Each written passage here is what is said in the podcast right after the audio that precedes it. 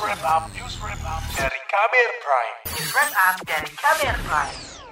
Penyebab kematian Brigadir J atau Yosua Huta Barat awalnya dikarenakan baku tembak dengan Barada Richard Eliezer di rumah dinas bekas Kadif Propam Polri Irjen Verdi Sambo Duren 3, Jakarta Selatan 8 Juli lalu.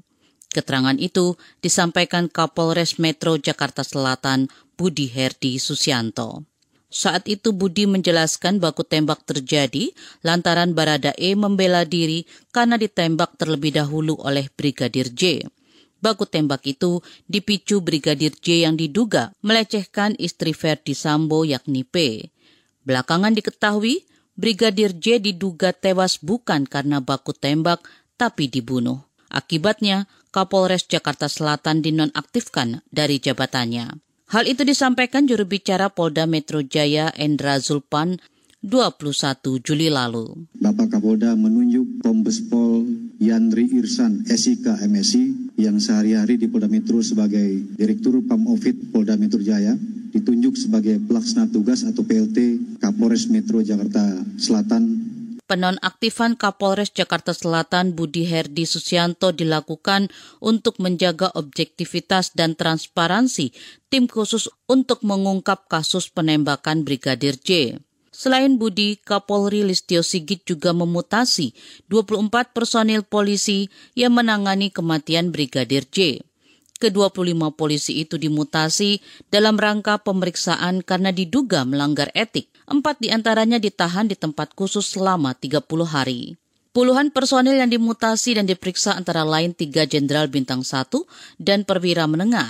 Mereka dari Kesatuan Propam, Polres, Polda Metro Jaya, dan Bareskrim Mabes Polri. Saya akan keluarkan TR khusus untuk memutasi dan tentunya harapan saya proses penanganan tindak pidana terkait dengan meninggalnya Brigadir Joshua ke depan akan berjalan dengan baik. Kejanggalan lain yang mencuat adalah soal keberadaan CCTV di rumah dinas Verdi Sambo. Awalnya, polisi yang menangani kasus ini menyebut CCTV di kawasan sekitar rumah Sambo rusak.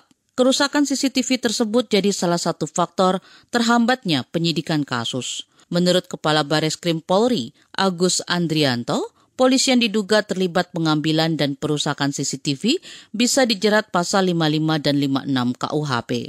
Dua pasal itu disangkakan pada Barada E yang terlebih dahulu menjadi tersangka pembunuhan terhadap Brigadir J.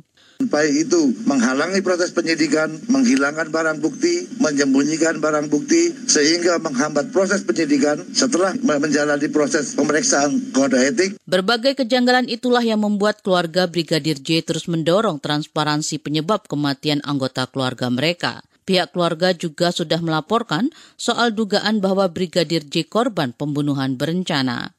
Sejumlah pihak telah ditemui keluarga Brigadir J, termasuk Menteri Koordinator Bidang Politik Hukum dan Keamanan Mahfud MD. Saat bertemu Mahfud awal Agustus ini, keluarga didampingi pengacara menyampaikan sejumlah kejanggalan kematian Brigadir J.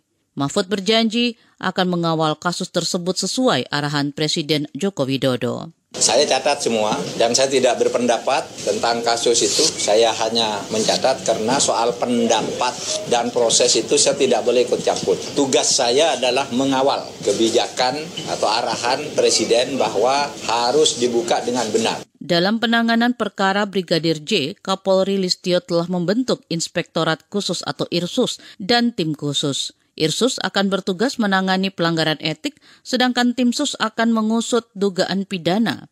Ada dua laporan yang kini ditangani polisi, yaitu dugaan pembunuhan berencana dan dugaan pelecehan seksual terhadap P.